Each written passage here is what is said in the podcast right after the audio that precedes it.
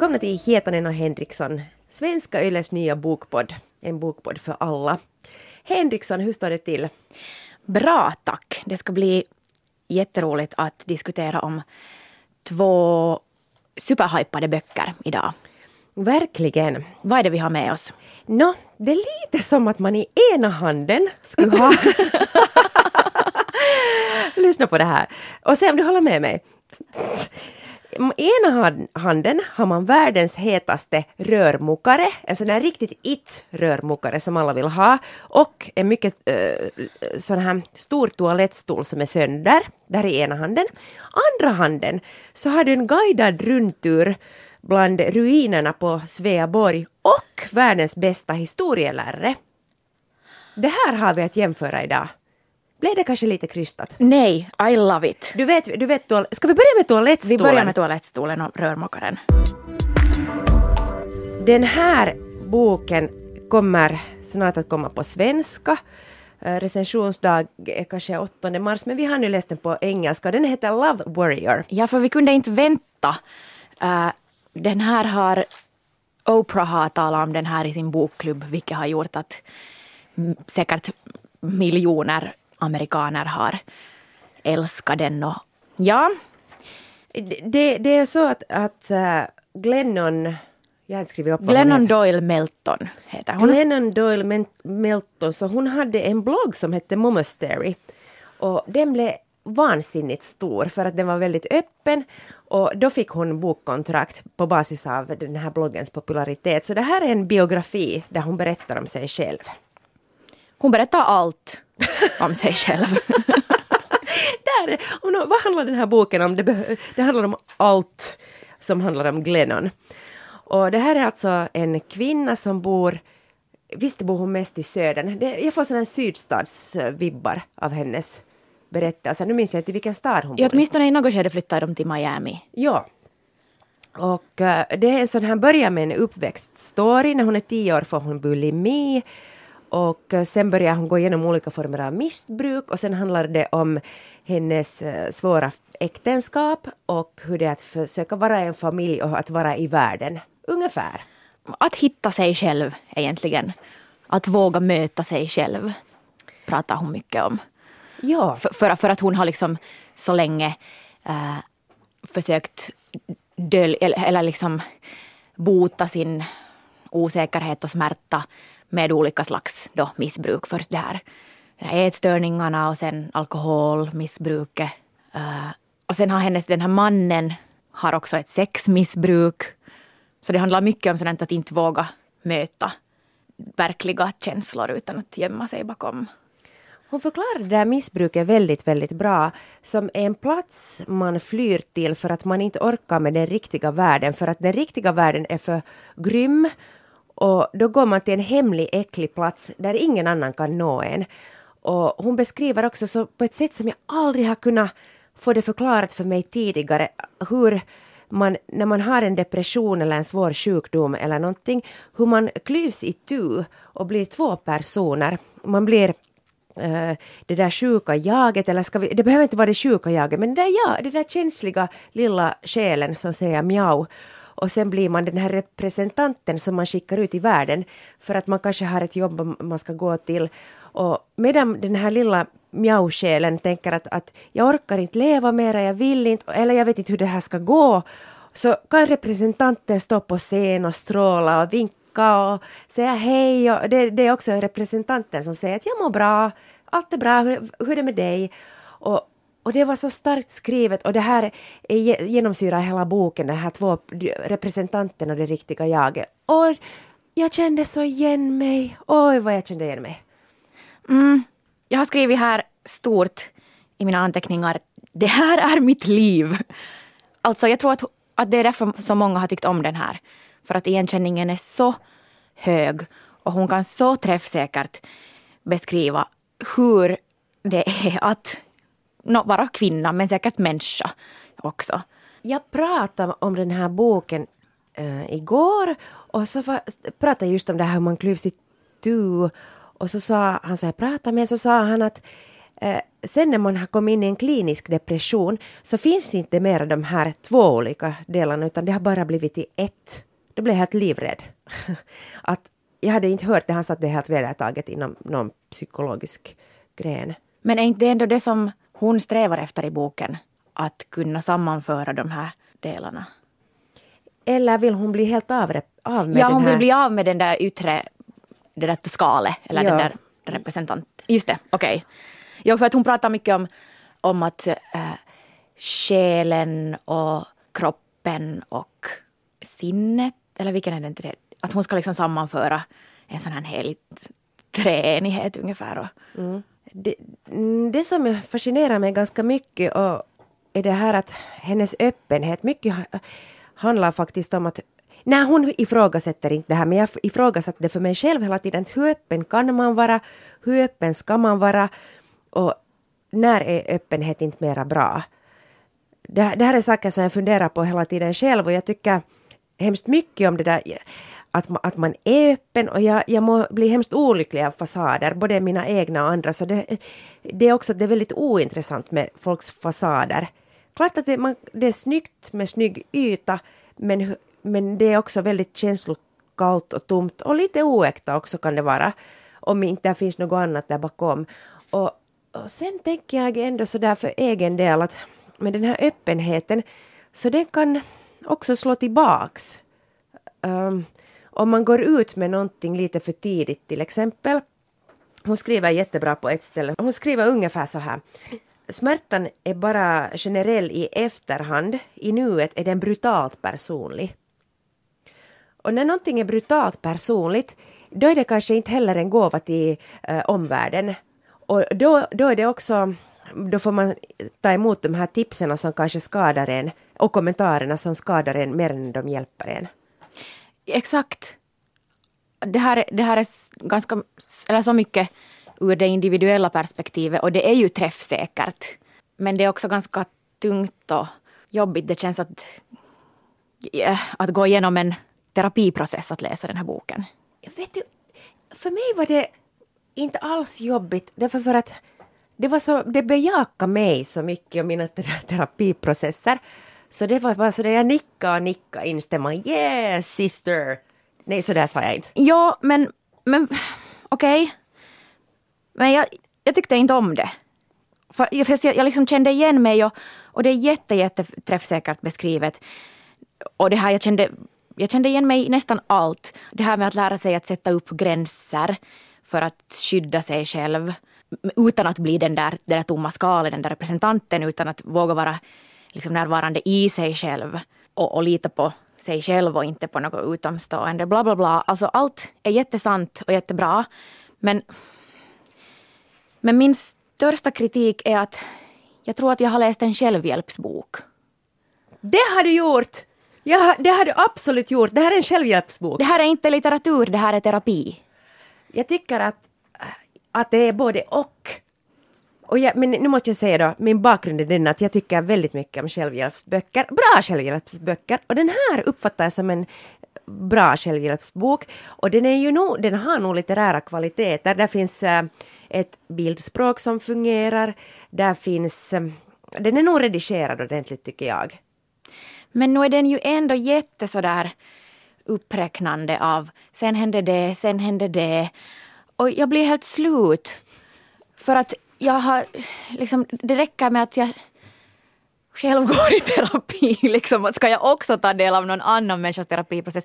Även om jag, jag lärde mig mycket, jag fick mycket insikter och mycket sådant eftersom hon, hon är så bra på att sätta ord på känslor.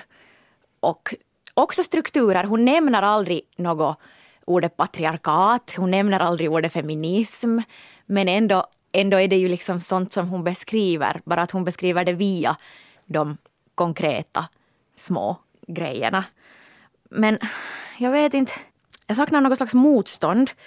Eller jag tycker att, att det som jag vill ha av litteratur är att där ska finnas någonting utöver det som jag själv är. Utöver det där självklara.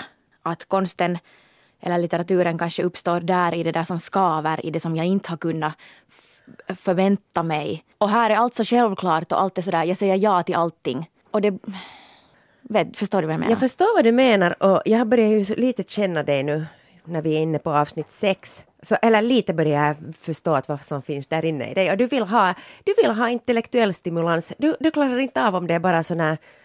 Uh, eh, ja. Jo, och du har rätt att inte den är ju sådär extremt intellektuellt utmanande. Men, men jag kunde, jag förbisåg en annan sak som jag också häpna över jättemycket är att den är, den är ju, där finns ingen självdistans och där finns ingen humor. Och det är sådana saker som jag vanligtvis inte kan acceptera alls. Det är det första jag ber om. Det är att, någon, att det är någonting som, att det är självdistans och att det är roligt. Det fattas totalt här.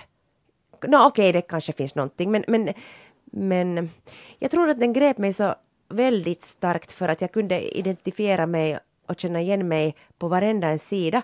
Och jag tycker att det är skönt att hon tar sig själv och, så, och sitt, sitt projekt, sitt, sitt eget liv på ett så vansinnigt stort allvar som jag inte riktigt har gjort kanske. Jag tänker sådär att men, vad ska vi nu här köpa oss att, att det finns folk som har det värre. Att jag unnar mig inte alltid den där lyxen att bara ligga och vältra mig. Nå, nu unnar jag ju det också. men, men blir inte liksom ganska sådär att, att det kommer så den, den här individualistiska marknadsliberala ideologin eller det här amerikan, det var så amerikansk. Just det här projekt jag, nu ska jag bli en bättre version av mig själv. Och sen börjar hon att yoga och meditera och hitta någon slags andlighet. Uh, och, det blir, och jag gör ju de där grejerna själv också. Jag menar inte det, men, men liksom just det där att... och sen slutar den så jävla bra. Att allt blev bra. Äh, liksom, oh, jag vet inte. Spoilar du just slutet för alla? det, det, är för mycket klichéer, fast alla klichéer är sanna. Jag skulle ändå vilja att hon skulle ha lyft det till någon annan nivå. Kanske, men kanske det är just det där att, att det är mera skrivandet som terapiprocess. Och då får vi ta del av allt det där som kanske inte är färdigt. Att sen några år senare kanske hon själv också skulle analysera det på ett helt annat sätt än då hon är precis inne i det. Och nu kan det ju finnas ett intresse av att ta del av, av det som, de där tankarna som finns där exakt då när man är inne i den där processen. Tycker du att hon borde ha teoretiserat? Nej, jag tycker att hon borde ha kanske No, det är ju alltid dumt att säga vad man, att hon bor, det här är det som jag skulle ha velat läsa mm. istället för att diskutera om det man faktiskt har läst. Men jag skulle nog velat ha någon slags lite mer utmaning. Att inte bara det här beskrivande. Ja, no, nu är det ju hennes spyor vi har i våra händer helt klart. Och hon skriver hemskt mycket om skrivande, hur det delvis är en flykt hon blir också ganska besatt av den här tanken på att hon inte får fly mera eftersom hon alltid har flytt i olika former av missbruk. Men så börjar hon också tänka att det här skrivandet är också ett sätt att fly. Samtidigt som det är ett sätt som hon gör de här demonerna mindre farliga. farliga. Och så, så hon är lugnare efter att hon har skrivit. Och, och så tycker jag hon skriver så jätteroligt på något ställe att det där skrivandet börjar bli så viktigt för henne att hon börjar fundera att eh, borde hon liksom, hon är en sån som måste kontrollera sin skamnivå på samma sätt som diabetiker måste kontrollera sin insulinnivå. Att om hon inte ger sig den där stunden där hon skriver och får ut sin skam, konkretiserar den på papper, så då, då blir hon galen. Ja, och sen har hon jättefin sån där metafor ah, från yogan, att inte lämna mattan fast det är smärtsamt och fast det gör ont. Och det tyckte jag var fint och tänker att det är kanske någonting jag själv också borde lära mig. Att, att, att man, man inte i, i livet överlag behöver vara rädd för smärta utan istället hur ska vi lära oss att hantera det just, ja som du sa, utan att behöva fly. Alltså jag, jag måste säga att jag också grät jättemycket när jag läste den för att den kom så nära. Mm. Jag, jag grät inte alls, jag bara Yes sister! Yes. Det här, den där mattan var väldigt fin. Jag var på behandlingshem för ätstörningar under två månaders tid när jag var 20 år. Och kanske det var därför det här var så vansinnigt starkt för mig. Hon, hon har bulimi och jag hade hetsåt. Jag visste aldrig hur man skulle spy, men i alla fall. No, och det, det där som hindrar mig från att bli frisk så var rädslan för den där enorma tomheten. Att vad händer om inte jag har min ätstörning mera? Alltså det var ju vidrigt, jag höll på att dö. Men vad ska jag göra med det där att, att sitta på mattan och leva i den där tomhetskänslan. Jag har liksom haft värre för det än för ångest. Och, och det sen, så det, I den här boken så beskriver det mycket väl att hur du övar dig att sitta och känna den där uh, sekunderna som i början är så att du på riktigt tänker att nu förgås jag, nu dör jag. Och uh, jag lärde mig nog det här när jag var 20, men det känns som att jag, att jag ännu större del av mitt liv inte visste hur man gjorde det. Att man var i det där hemska, värsta. Och jag kan tänka mig att någon som nu just är inne i någon form av missbruk kanske kan få um, självhjälpstips härifrån. Tips, hjälp och, och någonting av det här, allt som hon går igenom, hon ska ju testa allt, så kan funka. Absolut. Usch, nu, jag, jag blir helt tårögd igen nu bara jag lyssnar på dig. Alltså nu, nu finns här ju någonting som är helt djupt berör, eller att hon har liksom hitta en sån där nerv som, som är så spot on.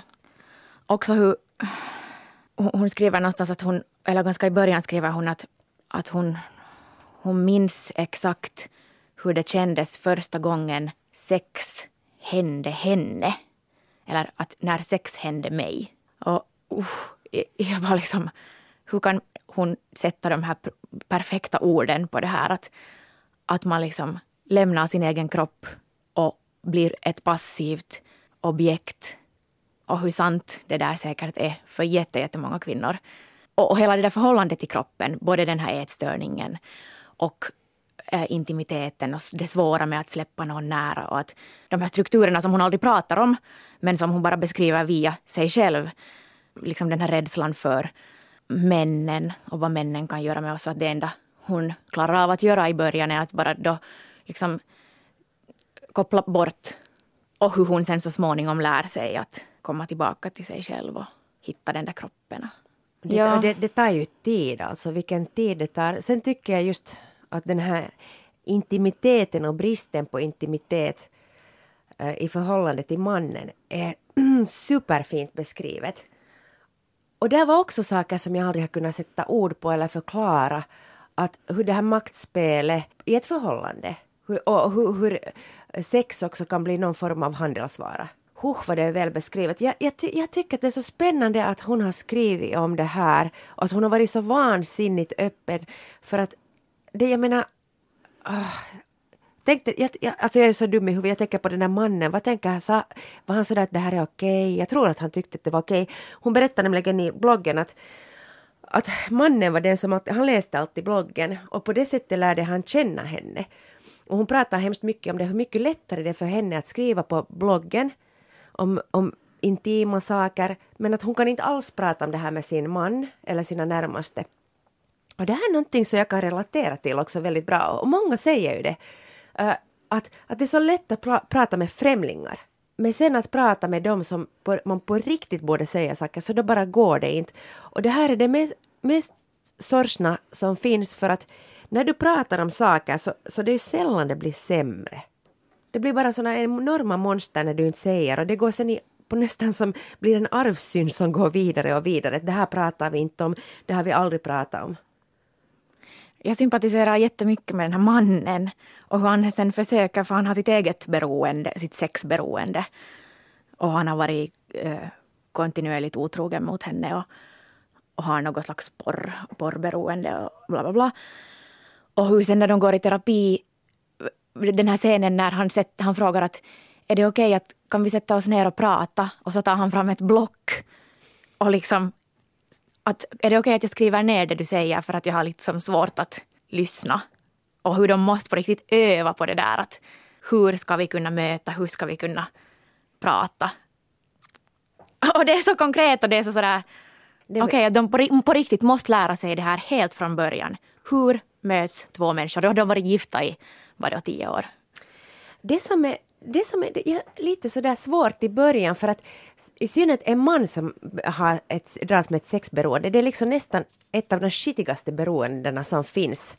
Att man nästan har svårt att sätta det på samma nivå som allt annat. Man tänker sådär att kan tänka för att det är ett beroende som man har kanske pratat lite mindre om än om andra beroenden.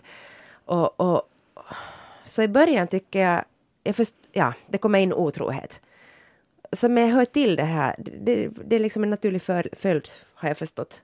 Nå, det behöver inte vara det, men det kan vara det, av det här sexberoende. Men sen så, så jag vet inte vad jag säger. No, jag, jag blev lite störd på liksom, hennes reaktion. Jag att, att det blir också så det här amerikanska, att hon är så pretto och så skenhelig. Att här har hon själv liksom betett sig som ett svin jättelänge och den här mannen har stått vid hennes sida genom de här beroendena. Och sen när det uppdagas då att han också har något problem och till exempel att han tittar på porr och när, hon, när han blir fast för det. Mm. Och hur hon liksom förfasas över det här att hur kan han titta på porr, att usch och kastar ut honom. Eller liksom att, hon är hemskt förlåtande när det kommer till sig själv men inte till, till sin man. Mm. Och det är ju samma sak, att han har ju påverkats av samma, samma slags förväntningar på liksom könsroller och hur en man förväntas vara. Mm. Men jag måste ännu säga, jag funderar, funderar extra mycket nu på beroende. Uh, och, och, det skrämmer mig när jag tänker att det kanske finns människor som inte har någon form av missbruk. Vad menar du? Att folk frågar alltid sådär att vet du varför du fick ätstörningar? Och jag tänker att det var så naturligt att jag fick det, att jag frågar mig inte den frågan så jättemycket, jag frågar andra frågor men inte just det. Att i den här världen och, och i, i och med att man är människa i den här världen så förstår jag inte hur man, inte kan, hur man kan klara sig utan kryckor som de här missbruken kan vara. Och så har jag då hört ryktas att det finns folk som inte har missbruk alls. Hur är det möjligt? Jag tror inte på det. jag tror nog att alla har något. Ja, vissa så då kanske mer socialt accepterade och kanske inte så skadliga. Men nu är det ju lite suspekt, liksom folk som... ja, som inte har missbruk eller haft. Mm. Men va, hur är de liksom ihopbyggda de här människorna då i så fall? Alltså nu låter vi kanske lite sådär som att vi inte tar sådana på allvar. Hör gärna av er om ni vill, vi, liksom fast anonymt, om det är någon här som lyssnar och upplever att, att nej, att jag har inte någon form av missbrukarmentalitet överhuvudtaget. Ja, det är kanske bara svårt för oss att förstå det för att det har varit så självklart, ett självklart sätt att hantera ja. den där livspaniken. Jag, jag, jag, är inte, jag är inte sådär Många tycker så att man ser det som bortkastade år när man har varit sjuk. Jag är absolut inte tacksam över det. Men, men så vet jag att jag skulle kanske ha varit ännu tidigare död. Det är ju, man, sin, kroppen och hjärnan är ändå lite smartare än en själv så man tar ju de där kryckorna för att överleva. Nu, nu märker du hur jag är riktigt in på det här självhjälpstrenden. Mm. Jag, är helt, jag är helt i mitt esse nu. Det är jättebra. Men hur, jag, jag, är intresserad av hur det liksom på, den här läsningen påverkar dig. Eller det är ju ganska länge sedan. Du, var, eller du har varit frisk länge. Jag har också varit frisk från ätstörningar ganska länge. Och, men jag märker ännu fortfarande att ibland när jag läser någonting så kan det fortfarande liksom trigga igång några gamla sjuka tankar. Men den här boken gjorde inte det. För att, för att den, den var inte på något sätt romantiserande. Men att vissa ätstörningsbeskrivningar har ändå den där äh, vet du, estetiserande, mm. till och med lite sexualiserande av det där. Alltså, bra fråga. Jag tror, den här var faktiskt Ja, alltså jag brukar inte riktigt beröras av ätstörningsbeskrivningar eller missbruksbeskrivningar på samma sätt som nu. Så nu var det första gången jag berördes på jättelänge. Och det är saker jag hade glömt, kanske förträngt. Och det var som att jag fick kontakt med den där lilla flickan jag var innan jag blev sjuk och medan jag var sjuk. Och, och det var som om att min lilla själ fnittrade till och kom ut och sa moin, här är jag. Mm. Så det var liksom jättestark den här upplevelsen. Men vågar man läsa den även om man är mitt inne jo, i sådant? jag tycker det nästan. För att Ja, nej, no, det är svårt. Allting, det, allt, det är så individuellt. Den där sjukdomen är sen så individuellt no, vad, det, vad den gäller. Men det kan jag säga att jag blev lite sugen på att supa. jag läste den här. Hon har ju sådana otroliga dryck, dryckesfaser och kokainsvängar och allt möjligt. Och det där, ja, det, det, alltså det var, var också sjaskigt. Det var inte alls fräscht. Men jag, det, jag fick så där att jag stod nästan med den där vodkaflaskan i handen. Ja. No, sen för att det är en amerikansk bok så hittar hon förstås också Gud. Ja, sen, där blev jag igen sådär lite provocerad. Att, men vad fan, att, måste man nu alltid blanda in Gud i allting? Och sen tydligen har det nu uppstått någon slags rörelse kring, eller no, det kanske det fanns redan före den här boken i och med hennes blogg och så här, att det finns en sån här community, rent av en slags väckelserörelse kring henne som person, skulle jag säga. Vilket jag tycker att det är jätteavtändande. Vet inte varför jag provoceras av det, för att hon har ju... Hennes budskap är ju jättebra. Vad är budskapet? No, för, för mig var det att våga, att våga möta sig själv. Ja, och sen att på något sätt att om du är ärlig och öppen så kan du inte förlora. Eller hur? Ja, och att den där skiten finns där ändå. Och att hur ska vi... Vet du, och jag är inte helt säker om man ska vara helt ärlig och öppen. Ja, det, det ifrågasätter jag lite. Alltså jag tycker att det är vackert att visa sin sårbarhet, men jag undrar om inte det kan bli lite inflation på det. I och för sig har det varit inflation på så mycket annat under de senaste tusen århundradena, men men det är någonting som är lite sjukt. Jag tänker att det kan vara lite farligt om man tänker börja idolisera henne och så börjar man lämna ut sig själv för mycket och visa för mycket till folk som inte är i samma sväng och inte kan ta emot det.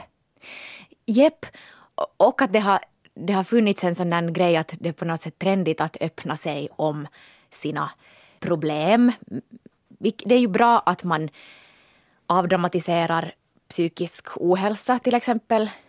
Att det ska absolut inte vara tabu, men det att alla ska komma fram och berätta sina personliga storyn reagerar jag också starkt emot. Att därför var jag ändå överraskad att den här inte gick i den där fällan som, eller jag vet inte vad det är som gör att, att den inte ändå lika, fast det, nu är det ju social por pornografi men Hmm.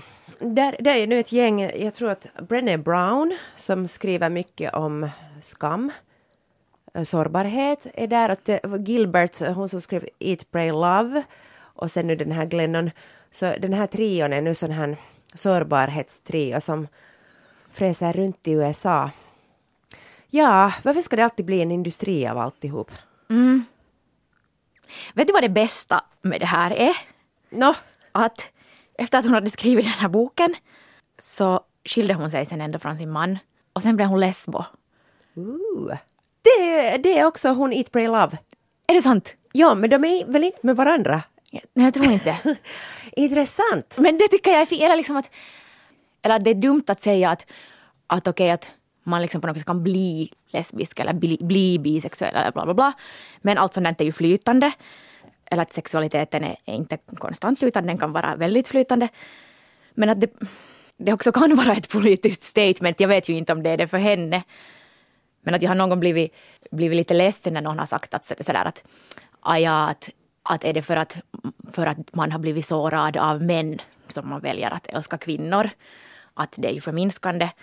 Men på ett sätt kan det ju också vara den ultimata äh, frigörelsen från allt det som förväntas av en i en heterosexuell samhällsstruktur. Men hon pratar om det här också i boken, bara nå, något litet passus så kommer det här att hon, hon funderar på om hon, hon alltid egentligen har varit homosexuell. Och då säger terapeuten att, att inte kan man fundera, vad säger terapeuten? Den säger något lite märkligt faktiskt. Att inte kan man fundera på det, att inte, något sånt här, hon ifrågasätter det här. Okej, vet du vad, att vi har pratat redan i tusen år och jag har inte sagt hälften av allt jag vill säga om boken. Jag skulle nu vilja ta upp det här. Nej, vet du, allt hinner man inte ta upp, men det här med sorgehantering. Uh, bara helt snabbt, hon berättar olika typer av sorgehantering. När du, du har, låt säga att du har varit med om något som har gjort att du helt fallit itu. Och då finns det olika sätt att hantera den här sorgen som oftast inte är liksom, det är så svårt när någon, någon har, är, har en grym tragedi, så vad ska du som vän göra?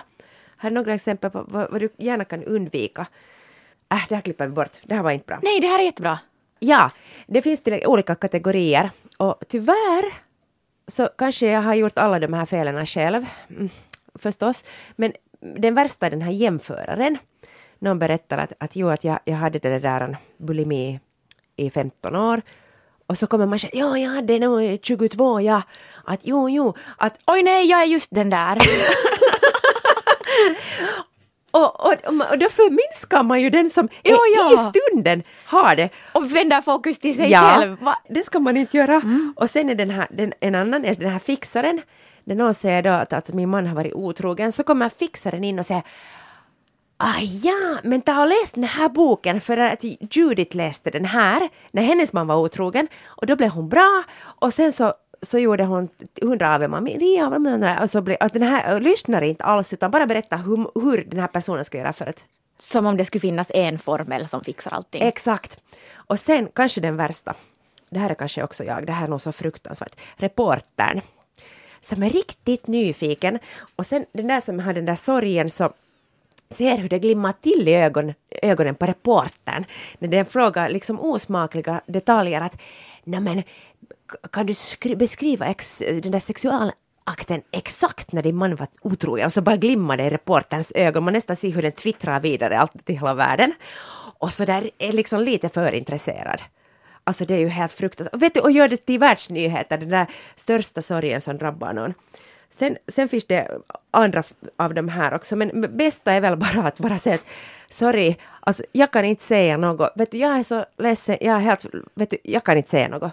Men för man, ofta är det ju så där att man inte riktigt vet hur man ska reagera. Att kanske det bästa är då att säga att på riktigt, okej okay, jag vet inte vad jag ska göra nu, vad skulle du behöva? Mm. Men det, det, tyckte jag var ganska fint att hon hade kategorisera de här olika typerna. Uh, sen så är kanariefågeln kommer in alltid nu och då i den här boken och hon berättar att hennes morfar när han gick till gruvan så tog man med sig kanariefåglar för att eh, gruvarbetarna kunde inte känna det här giftet när det kom direkt. För att de var na, inte tillräckligt känsliga för det eller det hade ingen lukt. Men kanariefåglarna slutade omedelbart att sjunga när det blev för starkt det där giftet i gruvan och det blev dödsfara. Och då visste de att nu måste vi rusa ut ur gruvan med kanariefåglarna. Och om inte de var tillräckligt snabba så dog kanariefåglarna och ganska snart efter gruvarbetarna. Och hon tänkte att, att den här form, människatypen som hon var är den här kanariefågeln som känner av det där giftet. När någonting är giftigt eller sjukt i din relation eller i världen så då, då dör du. Sluta sjunga, du slutar sjunga. Med det här så skulle vi kunna snabbt gå in, vi kommer inte att hinna prata om hela Jag Jazis vända hem i, idag, men vi får fortsätta i nästa avsnitt. Men, men det där i Vända hem så handlar det hemskt mycket om, om fångar i gruvor också. Och det tyckte jag faktiskt nästan var det starkast skildrade, som skildrades i den här Jag Jazis bok. Okej, berätta lite. Vem, vem är jag Jazi? Vad, vad är... Hon är jag har alltså inte läst den här. Hon är född 1989 i Ghana men sen har hon vuxit upp i Alabama och sen det som man alltid tar upp att hon har gått i en mytomspunnen författarskola i Ohio var Barack Obamas favoritförfattare är lärare Marilyn Robinson. Ah, just det. Jag vet inte vem Marilyn Robinson är. Hon har vunnit något, en massa Pulitzerpriser och författare och skribent och kolumnist och whatnot. Har du läst någonting? Nej. Men vi borde kanske läsa något, eller så inte. Vet du när Barack Obama säger sin favoritförfattare så väljer han ju något politiskt korrekt men sen så läser han något helt annat själv. själv läser han säkert serier. Playboy. Uh, den handlar om 300 år Äh, afrikansk historia och sju generationer och den börjar med två systrar. Ena gifter sig med en slavhandlare, slavhandlare och den andra skeppas iväg som slav. Och så följer den här berättelsen de här två olika släktleden uh, ja, genom nästan 300 år. Och uh, den börjar väldigt starkt i en sån här fästing. Cape Coast Castle heter den. Och, och, där, där på övre våningen så finns den ena systern då som är gift med slavhandlaren och där på undre våningen så ligger fångarna, slavarna, hennes då halvsyster. Och hur, hur de här slavarna behandlas är verkligt starkt beskrivet. De behandlas exakt som riktigt dåliga djur, alltså vet du det billigaste skräpköttet någonsin. Och jag tror inte att, att man, någon tänker på att de är människor. Och till exempel när de ska sova eller eh, skeppas över så, så är de i så trångt utrymme att det kan ligga tio kvinnor på varandra. Tio kvinnor på varandra! Och, och de är nakna, de får någon gång något smått att äta så att de överlever. Och sen eh, beskrivs det där träcket, hur någon kanske kissar eller bajsar där högst upp och hur det på riktigt känns när den där skiten rinner mellan varje kvinnas ben ända till den som är längst ner som ligger täckt av skit längst ner. Och, och den där fasansfulla lukten. Och det är så groteskt och det är så starkt beskrivet att, att jag blir genast väldigt, väldigt fångad av det här. Sen så när jag försökte beskriva den här boken så sa jag att, att det var som en, att gå runt på Sveaborg med en mycket fin historielärare. Så ganska snabbt kommer det fram att det här är, är en historiebok, en pekpinne och en historiebok som berättar då, eh, uh, de, de, afrikanernas historia och slav, slavarnas historia. Uh, den är till och med den är så eh, didaktisk pekpinneaktig att en av karaktärerna faktiskt är en historielärare som har historieundervisning och han påminner sina elever att kom alltid ihåg att historien skrivs av de som håller, har makten och det vad du alltid bör fråga, fråga dig är det att vems historia fattas? Vems historia hör inte du här? Så den är nog otroligt pekpinneaktig. Alltså det låter lite som någon, det finns ju en massa sådana här äh, generationsberättelser om, om slavsläkten. Som, det låter som något Kunta Kinte eller något sånt här. Ja, ja, ja, ja. bra parallell faktiskt. Uh, jag måste säga, vet ni vad? Vet ni vad? Det finns så mycket att prata om den här boken. Tänk om vi skulle måste gå igenom lite frågor som ni har skickat in till oss. Och, och sen fortsätter vi med Jag Jassi vända hem i nästa avsnitt. kan vi göra det? Är det nice? Nice eller bajs? Är det nice eller bajs? Nice eller bajs? Det, det är nice. Jag skulle vilja för det första säga att vi hade igår, vi bandade här nu uh, torsdagen den 15, nej vad är det för datum? 16. Tack! Mm, torsdag. Torsdag den 16. Oj, det är internationella högläsningsdagen idag faktiskt också. Vi bandade den då idag och igår så hade vi releasefest för vår podd. Tack till alla som kom. Vilken fin fest det var. Och, och stort tack till Puff Collective, alltså Lina Hurmerinta och Maria Ahonen som spelar skivor där hela kvällen. Det var en nog så fin kväll.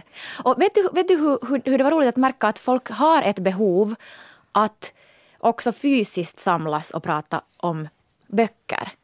Och att vi är på något sätt svältfödda på det där litterära samtalet.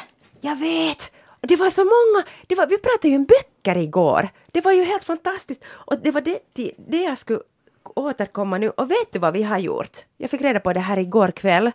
Att vi har lovat att vi ska läsa Erika Youngs Rädd att flyga. Och vi hade en som hon sa att hon vågade inte lyssna på var det avsnitt två för hon tänkte tänk om vi går igenom Rädd att flyga då och hon vill hinna läsa den innan vi pratar om den. Just det, och jag hade helt glömt, att, glömt bort hela det här löftet. Jag också! Så vi, vi måste ju... Och tänk att hon inte hade kunnat lyssna på tvåan för att av rädsla att vi kommer där och berättar allt. Alltså nu, nu den här våren ska vi ännu läsa den. Inom mars, april senast. Mars, april senast. Uh, sen har vi fått en fråga från Monica. Kan ni inte snälla läsa De gamla ryssarna med genusbrilsen på? Oh, förstås! Men alltså, de har ju varit vissa av dem, till exempel, jag är ju kär i Dostojevskij att vad händer sen när man börjar ha genusbrilsen på? Jag, jag kan inte ens föreställa mig det. Ja, alltså jag är ju kär i alla där, alla karaktärer. Just för att det, där liksom finns så tydliga de här feminina och maskulina. Och att, men, men jag tycker att man måste ju också få ha en slags... Äh, eller att det som är fantasi och verklighet måste också kunna hållas isär. Att fast man är feminist så kan man ändå attraheras Aha! av viss slags stereotyp. Okej, okay, så, så menar du att du får välja själv när du sätter på dig genusbrillorna och när du tar bort dem? Typ. Aha, intressant. Åtminstone när det gäller konst och litteratur. Ja. Som du sa någon gång att, att du tycker att, att man måste få läsa böcker också utan de där genusbrillorna. Ja. Men du menar... Och inte ha dåligt samvete för det. Men tror du inte att det blir fruktansvärt om vi börjar nu, för, vet du, förstörs något verk som vi har älskat. Jag har nu inte så hemskt många ryssar som jag gillar. Alltså jag, jag tycker om Dostojevskij och that, that, That's it, Gogol. Gogol, är han rysse? Vad pratar jag? Vem Gogol? Gogol eller Godot? ja, Gogol är han med näsan va? Pushkin! Jag vet inte. Jo, jo, vi tar, jag, jag, jag kan ta mig an den här utmaningen. Nej, men vad, vad tänker du läsa? För jag läser nog med dig då i så fall. Mm. Jag skulle gärna vilja läsa något, jag har aldrig läst Krig och fred. Men, är men det... den är så jävla lång. Ja, okej, okay, någon kort rysse. Uh, hur är det med den här bröderna Kar Karamazov? Ja! Ja! Vad har de skrivit? Säkert något bra. vi måste klippa bort det. Alltså, Bröderna Karamazov är en bok av Dostojevskij. Ah, ja! jag tänkte det var någon författartrio. Det låter som där regissörspar. Vet du. Ja. Eller ett DJ-kollektiv. Varför ja. hade inte vi Karamazov också med igår? Systrarna Karamazov. Perfekt. Det borde vi ha döpt vår podd till. Okej, nej men ska vi läsa eh, Karamazov med genusbrillor? Det är ju det att vad vi säger nu måste vi hålla. Vi måste titta hur tjock den är. Fuck. Vi, okej, vi gör så här. Tack Monica för, för att du har skickat in ett förslag. Och vi ber nu om ytterligare förslag. Gärna en kort rysse. Om det finns. Ja. Oklart. Oklart. Eh, skicka gärna mer, alltså vi blir så jätteglada. Det har, det har kommit förfrågan om bokcirkel också och att hur vi skulle kunna utvidga vårt, vårt poddande så att vi skulle kunna vara fler ibland som diskuterar. Vi funderar på det. Skicka bara in massor, vi läser allt och, och tar allt i beaktande. I synnerhet nu i början är det så superviktigt att veta att, det finns, att ni är med oss. Ida.Henriksson yle.fi eller anne.hietanen yle.fi. Yes, vi fortsätter med Ja Jasi nästa vecka. Ja, och vad har vi annat? Alltså vi har ju världens... Du har träffat Schunnesson. Tone Schunnesson som är min spirit animal och jag har läst hennes bok Tripprapporter. Mer om det nästa gång.